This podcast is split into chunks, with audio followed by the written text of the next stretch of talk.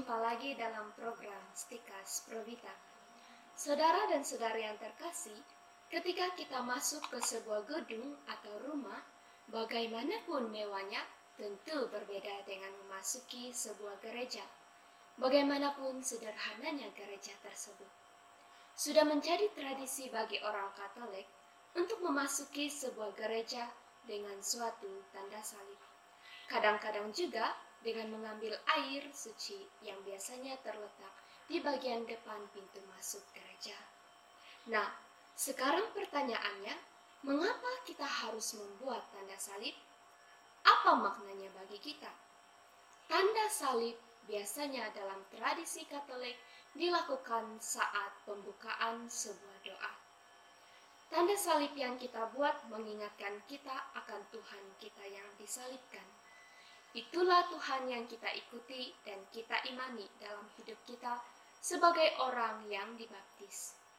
Kalau kita memasuki gereja dengan tanda salib, itu menunjukkan kita sedang memasuki suatu tempat suci. Sekaligus juga mengajak kita untuk memasuki suatu suasana hening doa. Lebih dari itu, ketika kita masuk ke sebuah gereja, kita sebenarnya sedang memasuki Tuhan. Ingatlah hal ini. Bagi kita, gereja bukan hanya tempat suci, melainkan tempat tinggalnya Tuhan. Karena itu gereja disebut sebagai rumah Tuhan. Gereja tidak sama dengan gedung serbaguna atau aula. Gereja adalah sebuah gedung yang sakral dan disucikan. Maka, ketika kita masuk gereja dengan tanda salib, kita sedang memasuki suasana doa karena Tuhan hadir di sana. Kehadiran Tuhan ini di gereja-gereja besar ditandai dengan adanya tabernakel. Dalam tabernakel tersimpan hosti atau roti yang sudah dikonsekril oleh imam. Itu bukan sekadar hosti biasa, tetapi Tuhan sendiri yang hadir.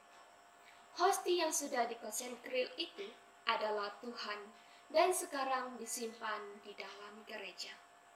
Yesus hadir di sana bukan saja saat misa dirayakan, tetapi juga setelah itu ketika hosti tersimpan di dalam tabernakel.